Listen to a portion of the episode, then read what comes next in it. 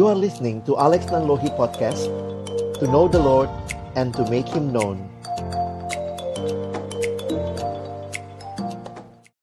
Mari kita berdoa sebelum kita membaca merenungkan firman-Nya. Sungguh Tuhan kami memuji, memuliakan Engkau dan berterima kasih kesempatan seperti ini Tuhan berikan bagi kami untuk sama-sama memuji, memuliakan namamu dan juga tiba waktunya bagi kami untuk membuka firman-Mu. Kami mohon ketika kami membuka firman-Mu, bukalah juga hati kami. Jadikanlah hati kami seperti tanah yang baik, supaya ketika benih firman-Mu ditaburkan itu boleh sungguh-sungguh berakar, bertumbuh, dan juga berbuah nyata di dalam hidup kami. Berkati hambamu yang menyampaikan, semua kami yang mendengar juga interaksi di antara kami agar kiranya semua ini makin menolong kami. Bukan hanya memahami firman-Mu, tetapi juga boleh melakukannya. Sehingga kami bukan hanya pendengar-pendengar firman yang setia, tapi mampukan dengan kuasa pertolongan rohmu yang kudus. Kami dimampukan menjadi pelaku-pelaku firman-Mu di dalam hidup kami, di dalam masa muda kami. Bersabdalah ya Tuhan, kami anak-anakmu sedia mendengarnya. Di dalam satu nama yang kudus, nama yang berkuasa, nama Tuhan kami Yesus Kristus kami menyerahkan pemberitaan firman-Mu. Amin. Shalom, selamat malam teman-teman sekalian. Bersyukur kesempatan ini Tuhan berikan buat kita. Ini jadi kesempatan kita belajar bersama untuk sebuah tema yang menarik ya, The End of Me. Ya. Jadi kita yang hadir di sini uh, kita berdoa agar kiranya melalui tema ini Tuhan menolong kita bukan hanya memahami tetapi juga nanti ya banyak teman-teman kita yang mungkin tidak hadir kita juga bisa membagikannya kepada mereka ya. Oke, jadi kita akan lihat sama-sama tema yang diberikan kepada kita tentang the end of me. Oke. Nah, sebenarnya mau bicara apa sih gitu ya? Ya, kita akan bicara hal yang uh, penting yaitu manajemen waktu siswa. Wah, ini jadi menarik ya. Kalau bicara manajemen waktu. Maka kita bisa berpikir sejenak ya, teman-teman semua kita yang ada di sini. Waktu itu aset yang paling berharga sebenarnya dalam hidup kita, ya. Mengapa? Ya, saya mengutip beberapa kalimat yang pernah saya dengar ada yang bilang gini ya. Uang sih bisa dikejar ya. Kita ngejar duit bisa katanya ya. Prestasi pun dapat kita kejar, dapat kita upayakan begitu ya. Jabatan, kalau nanti kita kerja, jabatan pun dapat diraih. Namun sadar atau tidak, yang namanya waktu itu terus berputar. Jika kita tidak memanfaatkannya dengan baik, kita akan terperanjat. Tahu-tahu waktu kita udah habis. Makanya di dalam Alkitab dikati, diberi pemahaman kepada kita ya. Dalam pengkhotbah 12 ayat 1, pengkhotbah berkata, "Ingatlah akan penciptamu pada masa mudamu, sebelum tiba hari-hari malang yang kau katakan tidak ada kesenangan bagiku di dalamnya." Kapan waktu-waktu malang itu? Kalau kalian lihat penjelasannya adalah ketika kamu makin tua. Jadi memang umur terus bertambah. Nggak ada dari kita yang tambah muda. Makanya menarik kita diingatkan ya. Sejak masa muda, ingatlah akan penciptamu. Dan ini dikaitkan dengan apa? Dikaitkan dengan waktu. Nah, teman-teman, apa sih konsep Alkitab tentang waktu? Jadi kita coba lihat dulu ya. Apa sih konsep di dalam Alkitab tentang waktu? ada tiga istilah yang Alkitab pakai yang secara umum biasa diterjemahkan waktu. Walaupun tiga-tiganya bisa dibedakan ya. Nah, yang pertama adalah kronos. Kronos itu dari kata ini, ini kata Yunani ya. Dari kata kronos inilah jadi kronologi. Jadi kalau ditanya apa sih kronos itu sederhananya waktu secara umum. Mulai dari lahir sampai mati itu kronos, itu waktu. Tetapi Alkitab juga punya istilah yang namanya kairos. Kairos itu adalah waktu yang khusus. Kalau kronos waktu umum, Maka kairos itu waktu yang khusus. Makanya lebih sering dikatakan sebagai kesempatan-kesempatan dalam hidup. Kalau kronos itu berulang, ya. Tapi kalau kairos itu terjadi hanya waktu itu saja sehingga itu disebut sebagai kesempatan yang mungkin tidak akan terulang, ya. Nah, jadi ada kata kronos waktu secara umum atau ada kata kairos waktu secara khusus dan Alkitab juga punya satu istilah yaitu aion. Aion itu bicara waktu secara kekekalan. Jadi waktu secara dari kekekalan, nah itu kata yang dipakai adalah aion. Nah, di di di dalam kita memahami akan istilah-istilah ini, coba teman-teman perhatikan ya, ini kira-kira gambarnya begini. Kalau ini aion, waktu secara kekal tidak terbatas, maka kemudian kita tahu di dalamnya kita mulai dari lahir sampai mati itu kronos. Tapi kemudian di dalam kelahiran sampai kematian Tuhan juga izinkan ada kairos, kairos, kairos, kairos begitu ya. Ada waktu yang tidak terulang. Nah, coba kalian bayangkan kalau kita hidup itu kan kronologi ya. Bangun pagi apa? Bangun pagi, sikat gigi, sarapan, mandi, pergi sekolah atau pergi ke kampus atau mulai bekerja. Besoknya gitu lagi, bangun pagi, sikat gigi, sarapan, mungkin mandi, pergi ke sekolah. Itu adalah kairos, kronologi, terulang terus-menerus. Yang namanya kairos itu jangan sampai terulang. Misalnya ya, hari ini bangun pagi, sikat gigi, eh sikat giginya ketelan. jangan sampai ya. Nah, kalau itu yang terjadi, maka itu yang kita sebut sebagai waktu yang khusus. Jangan sampai terulang lagi. Nah, itu namanya kairos. Tapi kalau kamu hari ini bangun pagi, telan sikat gigi. Besok bangun lagi, telan lagi sikat gigi. Besok bangun lagi, telan itu jadi kronolo, kronos lagi gitu ya. Nah, sehingga cara mengerti waktu itu menarik. Saya kasih pemahaman begini ya.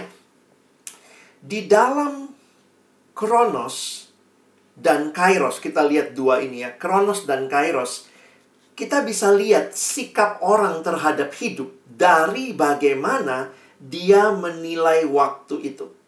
Kalau kamu orang yang kronos saja, itu cara pikirnya begini, ya sudahlah, nggak ada persekutuan, nggak ikut persekutuan malam ini kan ada lagi mungkin bulan depan, minggu depan. Nggak masuk sekolah hari ini kan besok masuk lagi. Kalau kamu berpikirnya begitu, ah nggak apa lah, nggak usah datang minggu depan kan ada lagi. Nggak usah masuk hari ini kan besok ada lagi. Nah, kamu berarti cara berpikirnya kronos.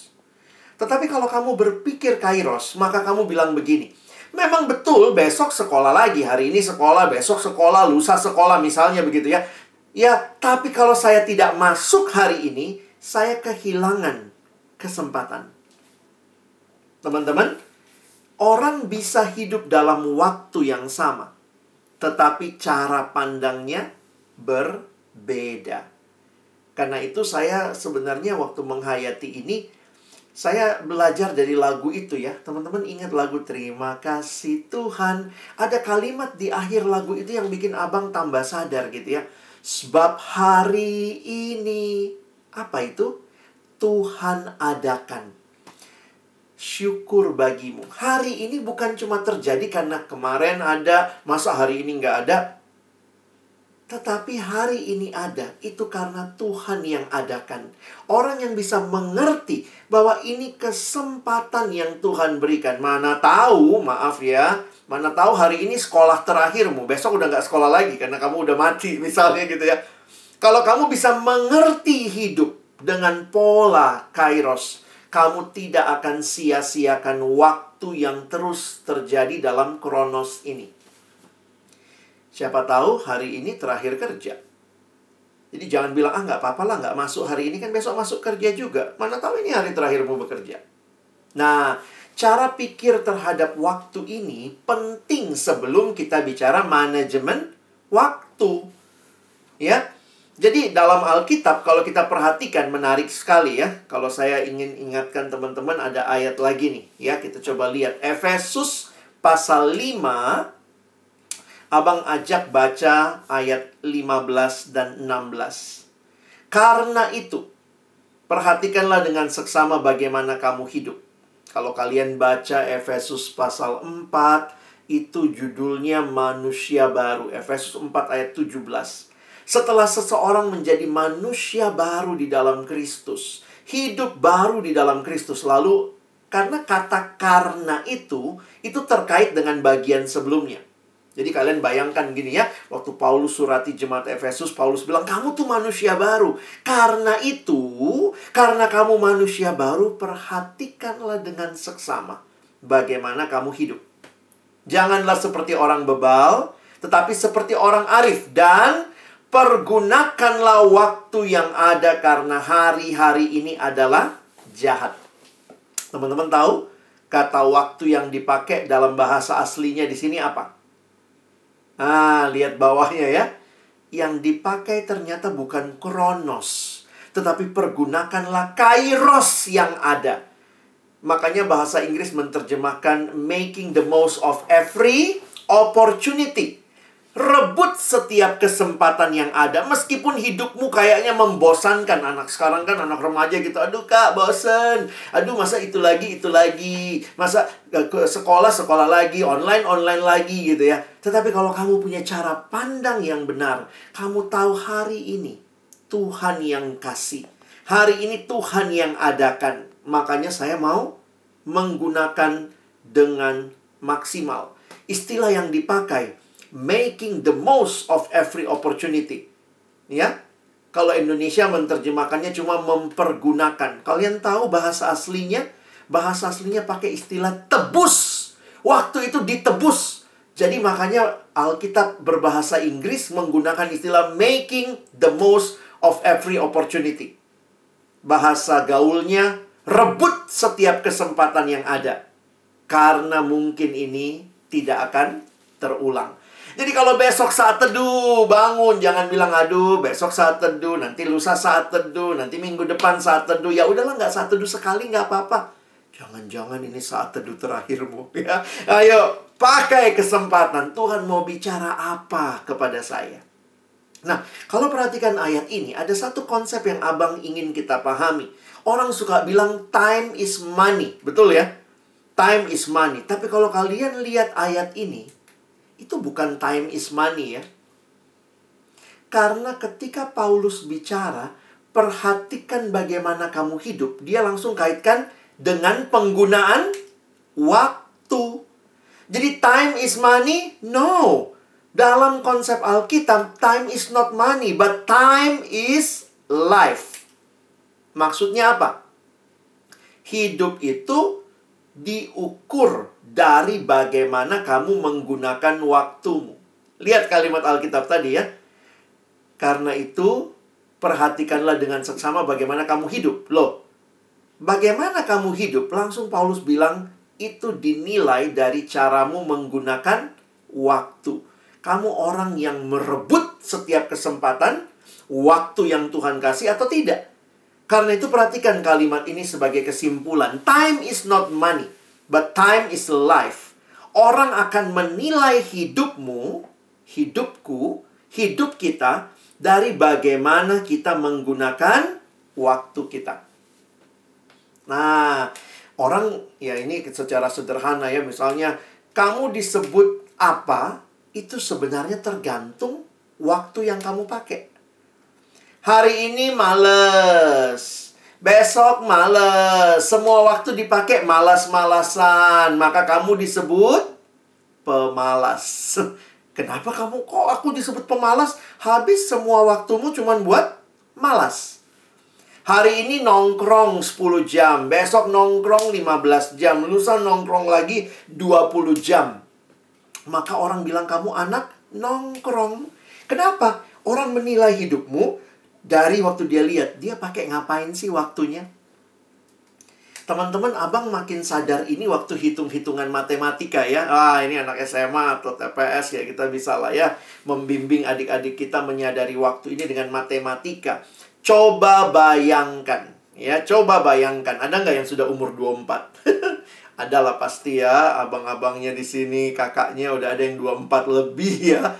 24 lewat begitu. Tetapi anggaplah, bayangkan kamu umur mencapai umur 24 tahun. Maka kamu bayangkan kalau kamu usia 24 tahun, lalu kalau satu hari kamu tidur 8 jam, maka selama 24 tahun kamu sudah tidur 8 tahun. Kaget nggak tuh ya? Saya kaget ya waktu lihat data ini ya. Kalau kamu makannya satu jam per hari, maka mencapai umur, umur 24, kamu ulang tahun, kamu sudah makan satu tahun. Mandi satu jam, umur 24, satu tahun. Nonton dua jam sehari. Ah, sekarang mesti tambah ya. Belum lagi nonton ini, nonton itu. Dua jam sehari, dua tahun. Kalau kau sisiran setengah jam sehari, udah setengah tahun. Bener-bener ya, waktu itu tuh kayak gimana ya? Coba teman-teman bayangkan. Mungkin kamu bilang, tapi kan masa dia tidur terus bang? Ya nggak juga sih. Tapi ini kan hitung-hitungan matematika ya.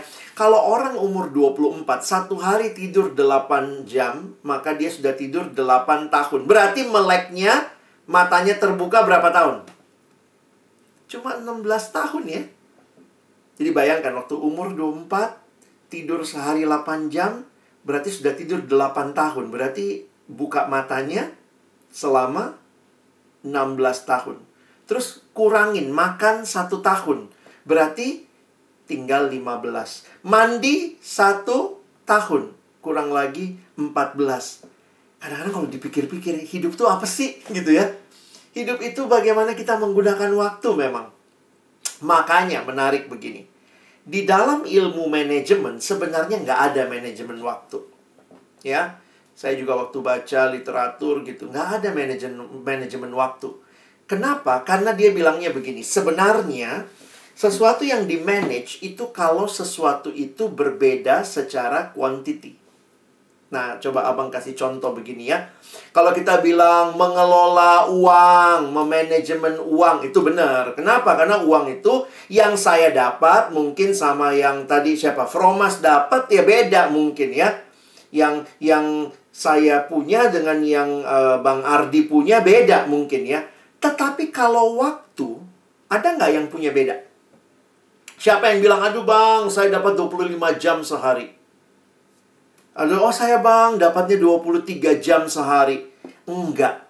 Mau kamu tua, muda, miskin, kaya, laki, perempuan, anak SMA, TPS, orang kerja, alumni. Semua kita dapat waktu yang sama. Makanya jangan di manage waktunya. Waktu tuh nggak bisa di manage. Orang dapatnya sama kok. Beda sama uang ya. Kalau kamu dapatnya sedikit ya hemat-hemat lah makanmu gitu kali ya. Tapi kalau kau dapatnya banyak bisa makan enak lah mungkin gitu ya. Tetapi waktu itu semua dapat waktu yang sama. Makanya yang di manage bukan waktunya.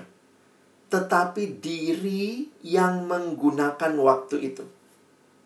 Makanya ada kalimat, saya tetap pakai kata manajemen waktu ya abang nggak masalah dengan istilah itu. Tapi pengertiannya adalah Time management is actually life management. Mengatur waktu itu bicara soal mengatur hidup.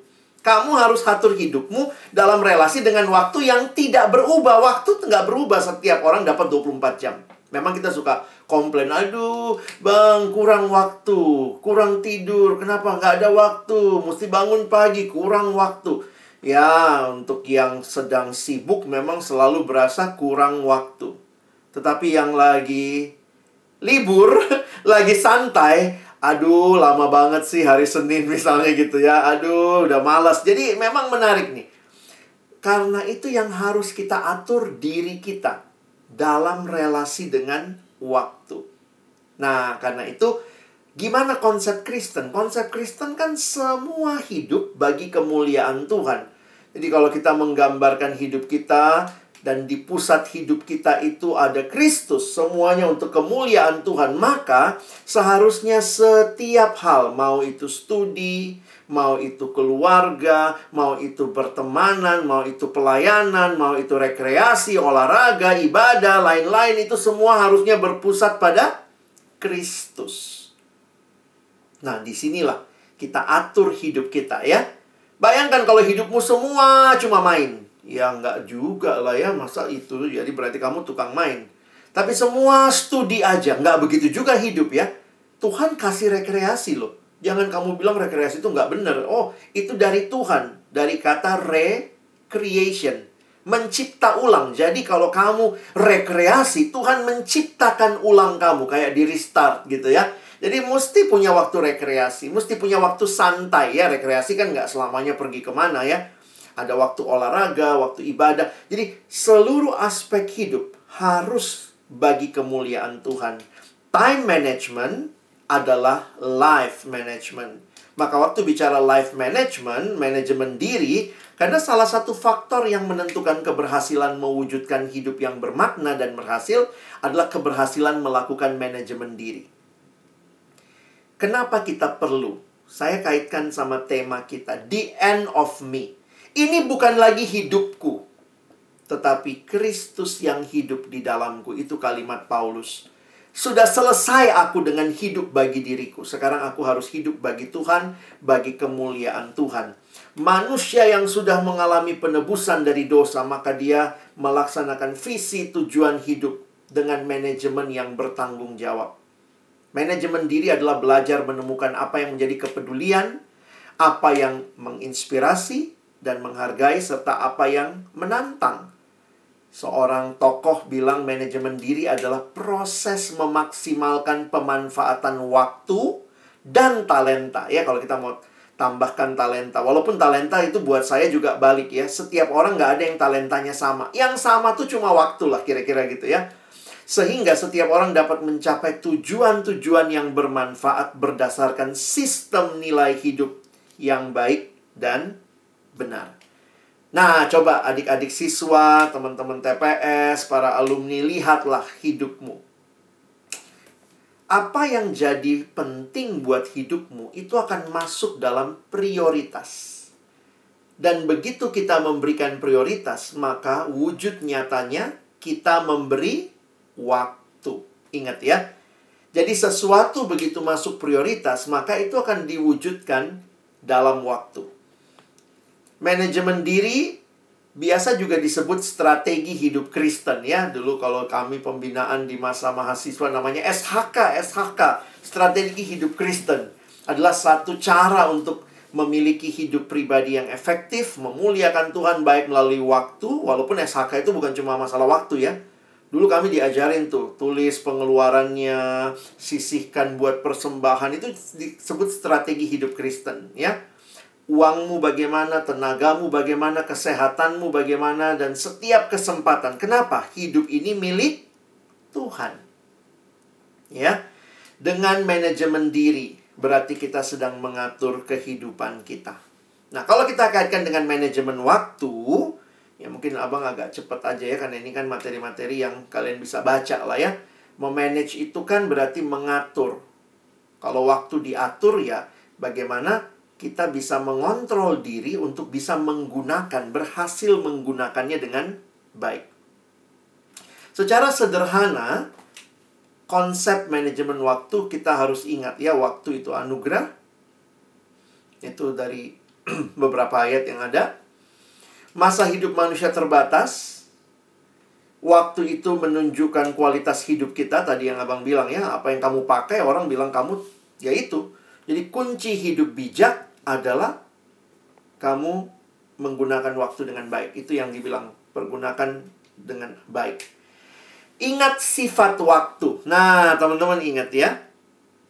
Sifat waktu itu pertama tidak bisa dihentikan, nggak bisa time out ya. Kalau kita main olahraga sih bisa time out dulu, berhenti waktu main basket gitu ya. Ini nggak bisa. Kamu suka nggak suka waktu terus berjalan. Waktu nggak bisa disimpan kayak uang gitu ya. Tidak bisa disimpan. Tidak ada bank waktu. Dan waktu itu tidak bisa molor ya. Aduh tunggu bentar lah jam karet begitu ya. Itu tidak bisa seperti itu. Nah karena itu kalau bicara manajemen waktu ya yang adalah manajemen hidup maka ada dua hal yang penting ya ini langsung ke praktisnya ya Bagaimana mengelola, memanage waktu, memanage hidup kita, pengelolaan waktu yang pertama itu namanya pengelolaan waktu. Yang kedua disiplin. Jadi yang namanya pengelolaan adalah kamu coba menentukan prioritas. Jadi memang pertama ini di konseptualnya harus jelas. Mana yang masuk prioritas, lalu sesudah kamu menentukan prioritas, kamu harus action. Nah, dalam action ini penting punya disiplin. Ada orang perencanaannya bagus ya, tapi ternyata disiplinnya yang nggak yang nggak bagus. Tetapi ada orang juga disiplinnya nggak jelas. Kenapa? Dia nggak dia nggak punya prioritas, ya. Nah, kita mulai yang pertama dulu ya. Abang kasih contoh. Apa sih pengelolaan waktu dengan menentukan prioritas? Ini yang biasa disebut dengan kalau kalian isi pernah lihat ilustrasi itu ya. Ada toples, lalu toples itu di dalamnya mau diisi batu sama pasir, ya. Toples lalu mau diisi batu sama pasir. Masih ingat prinsipnya? Mana yang diisi duluan? Batunya atau pas, uh, pasirnya? Harusnya batu dulu, ya. Itu prinsipnya, batu dulu. Jadi tentukan batu-batu besar kehidupanmu. Itulah yang kita ilustrasikan sebagai prioritas. Setiap kita harus menentukan. Jadi lihat yang sebelah kiri itu salah. Dia masukkan pasirnya dulu. Begitu pasirnya udah menggunung di bawah, batunya disusun, nggak muat toplesnya. Tetapi yang satu, dia masukkan batunya dulu. Batu sudah masuk semua, baru dia masukkan pasir. Pasir langsung masuk ke sela-selanya. Nah, ini yang namanya Big Rock First Principle. Jadi tentukan prioritas. Maksudnya abang begini. Apa sih yang penting buat hidupmu?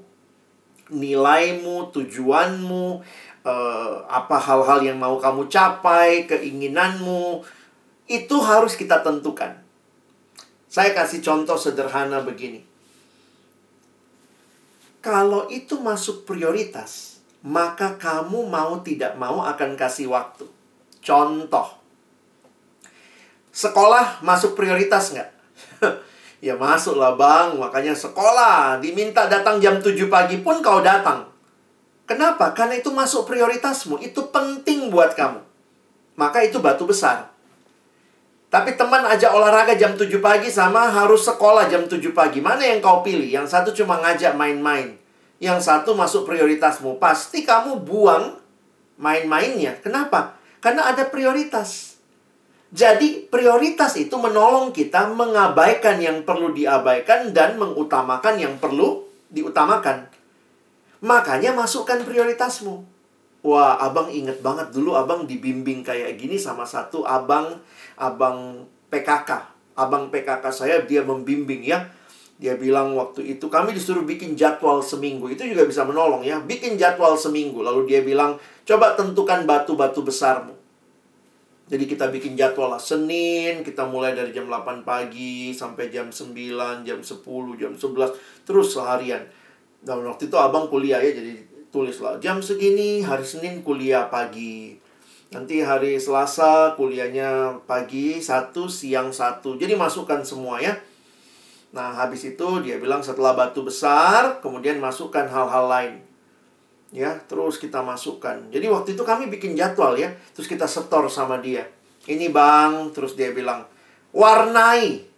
Yang penting prioritas warnanya merah. Wih, langsunglah kami masukkan ya. Kuliah itu merah. Wah, belajar itu merah lah ya. Terus kemudian kelompok kecil. Lah ditanya kelompok kecil apa warnanya ya? Ini penting apa enggak? Masuk prioritas enggak? Aduh, karena abang PKK ya masuk lah merah juga ya. Agak merah gelap gitu ya daripada marah abangnya ya. Nah, terus kemudian ada uh, ini ya, nongkrong. Dia juga suruh masukkan nongkrong ya. Karena kita juga butuh sosialisasi teman-teman ya. Masa kita hidupnya cuman uh, belajar aja ya. Jadi waktu dia bilang nongkrong masukkan. Tapi bentuk warnanya apa? Nah, waktu itu nongkrong tuh karena kami pakai tiga warna ya. Prioritas merah kayak lampu lalu lintas. Kalau prioritas kedua ya boleh ya boleh tidak bikinlah warna kuning. Lalu yang ketiga bikinlah warna hijau. Itu istilahnya mau ada nggak ada pun nggak mati kita ya. Ah, akhirnya kuliah merah nongkrong uh, kuning kuning kuning nonton televisi ya itu hijau lah ya nonton nggak nonton kan nggak apa-apa juga gitu ya Nah, akhirnya sudahlah kami setor lagi. Ini bang, jadwal kami. Terus dia bilang, kau lihat kan, batu-batu ini, ini yang merah-merah ini batu besarnya. Kenapa? Itu penting, itu prioritas. Terus kemudian ternyata kami lupa teman-teman. Terus dia nanya gini, di mana saat teduhmu? Kok nggak kalian bikin saat teduh? Aduh abang, kami dibalikkan lagi. Saat teduhnya kami bikinlah prioritas pagi ya, jam 6 sampai jam setengah 7. Wah, semua garis lah saat teduh. Kami kasih lagi, ini bang. Terus dia bilang, apa warnanya? Wih, dia mau tanya sama kami, warnanya apa? Ya udahlah, kita merahin lah ya. Merah lah bang ini. Poinnya apa? Dia, dia sayang abang ingat dia selalu cuma ngomong begini. Kalau kamu tidak anggap penting, pasti kamu nggak kasih waktu. Kalau itu tidak penting, makanya ada orang yang saat teduhnya ya terserah mau ya nggak apa-apa lah kalau nggak pagi nanti aja malam lah. Kalau nggak malam nanti aja besok lah. Kalau nggak besok pagi ya besok malam lah. Kalau seperti itu karena tidak masuk di jadwalmu, if that is not in your priority, maybe you won't give time for that. Jadi saya ingatkan teman-teman masukkan prioritas-prioritas hidupmu. Itu cara menentukan bagaimana menggunakan waktu. Jadi sebelum bicara praktisnya, apa sih yang penting? Olahraga penting nggak? Masukkan di prioritas. Itu batu besar. Nanti yang batu kecilnya, yang pasir-pasirnya apa? Ya, mungkin itu ya. Nonton drama Korea, main game. Kalau main game buat kamu itu rekreasi, masukkan juga main game. Tapi setia ya, kalau dibilang main game 2 jam, ya udah 2 jam aja. Jangan banyak kali gamenya ya, nanti kayak sebelah kiri tuh udah game semua. Waktu batu besarnya saat teduh dilewati, kuliah atau sekolah tidak dipedulikan. Karena batu besarnya masuk belakangan. Batu besar harus masuk lebih dulu, barulah pasirnya. Bisa paham ya? Nah, jadi teman-teman, untuk mengatur waktu, karena kan siswa ini sibuk kali ya. Les, ada lagi tambahan di sekolah, ada lagi ekskul, belum lagi nonton drama Korea, belum lagi mau main game. Semua itu harus kalian pertama-tama tentukan prioritas, ya. Nah, coba Abang ambil satu slide lagi ya untuk kita lihat. Nah, sesudah itu apa? Kalian harus masuk ke hal berikutnya ya kalian penting mengerti matriks waktu, ya. Nah, pernah lihat matriks waktu? Ini adalah satu matriks yang dibuat untuk kita menyadari penggunaan waktu kita. Nah, saya coba share buat teman-teman ya. Kalau kita lihat ada empat kuadran waktu. Nah, coba lihat. Yang pertama namanya krisis itu hal penting dan urgent. Urgent itu mendesak ya. Aduh, harus nih. Itu namanya krisis. Kalau dia penting dan tidak urgent, itu kuadran kedua, namanya kuadran pencegahan. Kalau dia tidak penting, tapi urgent, itu namanya interupsi. Kalau dia tidak penting, tidak urgent, itu namanya waktu luang, ya. Nah, kalau kamu mau mengatur hidupmu dengan baik, maka kamu harus memperbesar kuadran berapa? Jangan kuadran satu. Kalau kuadran satu mati muda kamu. Masih muda udah awet kamu nanti ya. Itu namanya awet muda. Be ulangan 15 bab. Baru belajar malamnya. Itu penting tapi urgent. Karena harus sudah besok kan. Bagaimana? Kalau udah dikasih tahu sama guru satu bulan sebelumnya, minggu depan atau bulan depan kita ujian 15 bab. Itu penting tapi tidak urgent. Kamu mulai nyicil belajarnya. Itu kuadran pencegahan. Kalau kamu selalu hidupmu krisis karena kamu nggak ngatur dirimu, semua dadakan, semua dadakan. Besok ujian belajar malam ini dan malam ini langsung belajar semua sampai subuh, minum kopi, pokoknya belajar begitu. Itu kamu krisis namanya. Nanti lama-lama kamu mati muda begitu ya. Sementara kalau kamu banyak waktu luang, tidak penting, tidak urgent, nggak apa-apa juga kan terlambat seminggu drama Koreanya emang kenapa sih mati? Nggak juga. Aduh tapi semua drama kau tonton, semua game kau mainin, akhirnya waktu luangmu banyak, kamu jadi akan cenderung jadi pemalas. Jadi selalu ingat ya, Kuadran yang bagus untuk diperbesar adalah pencegahan. Masih tiga minggu lagi ulangan. Nah, belajarnya dari sekarang tuh. Kita nyicil gitu ya. Nah, interupsi juga ada. Lagi belajar tiba-tiba teman, eh temani aku yuk. Jalan kita, jalan kita. Ah, itu interupsi. Kamu harus belajar menolak untuk interupsi. Kapan iya, kapan tidak. Teman ngajak jalan, besok ulangan. Itu interupsi. Tidak penting, tapi urgent. Ih, malam inilah kita jalan. Janganlah, ayolah malam ini. Itu nggak penting. Nah, itu sorry, itu ya itu nggak penting, nggak usah dilakukan. Tetapi ada nggak hal-hal interupsi yang penting? Ada. Lagi belajar ulangan besok, eh bapak sakit, pingsan, ya mesti kita tolong. Jangan bilang, oh maaf, tidak penting itu. Ah, aku lagi mau ulangan besok. Kita juga nggak sekaku itu. Ingat, kita bukan diatur waktu. Kita yang mengatur waktu atau mengatur diri kita. Nah, cuma itu sih kalau abang lihat kuncinya. Dan kemudian disiplinlah. Ya, adik-adikku, teman-temanku, setelah kita melakukan prioritas, kita tahu kuadran waktu disiplin. Disiplin untuk benar-benar melakukan apa yang harus kita lakukan ya. Nah, lihat ini disiplin untuk disiplin slide yang terakhir. Keberhasilan mengelola waktu sangat membutuhkan disiplin dalam diri. Disiplin ini menyangkut pikiran kita, kemauan kita, dan disiplin fisik kita, ya.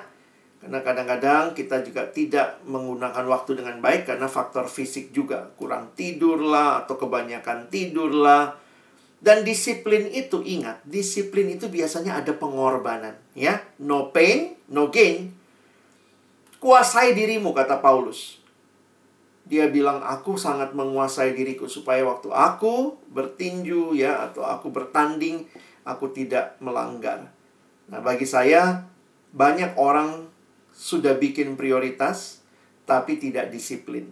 Nah, saya harap sebagai TPS, sebagai siswa, teman-teman Mari bangun pemahaman waktu yang benar dengan adik-adik kita, dengan teman-teman siswa, lalu kemudian tolong mereka untuk menentukan prioritas supaya mereka tahu saat teduh itu penting nggak. Masukkan prioritas mereka dan kemudian dalam kelompok kecil minggu ke minggu kita menolong mereka disiplin. Makanya kita tanya, gimana dek? Apa kegagalannya? Apa keberhasilannya? Apa yang kurang? Apa yang mesti dicoba? Apa yang abang bisa bantu? Apa yang kakak bisa lakukan? Bagaimana kita bisa sama-sama lebih bertumbuh? Nah, itu semua butuh disiplin dan komunitas. Ada yang membimbing, ada teman-teman. Ini menjadi tempat di mana kita terus bertumbuh. Nah, saya pikir itu yang bisa saya sampaikan malam ini berkaitan dengan waktu dan selebihnya kalau ada yang mungkin mau bertanya satu dua pertanyaan, abang persilahkan sebelum nanti saya tutup doa. Baik, silakan.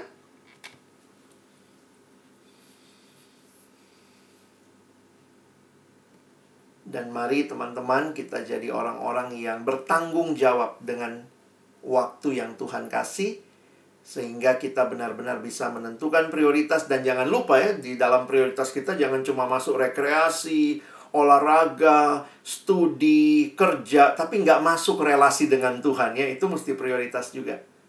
Nah waktu itu masuk maka kita akan beri waktu. Mari berdoa. Tuhan terima kasih banyak buat firman-Mu, buat setiap pemahaman yang boleh kami terima malam hari ini. Kiranya kami bisa mengelola, memanajemen diri dengan baik dalam menggunakan waktu. Kami bisa menentukan prioritas-prioritas penting terkait dengan tujuan Allah bagi hidup kami. Dan kami juga berdoa, berikan kami disiplin Tuhan. Supaya kami benar-benar berjuang berkorban.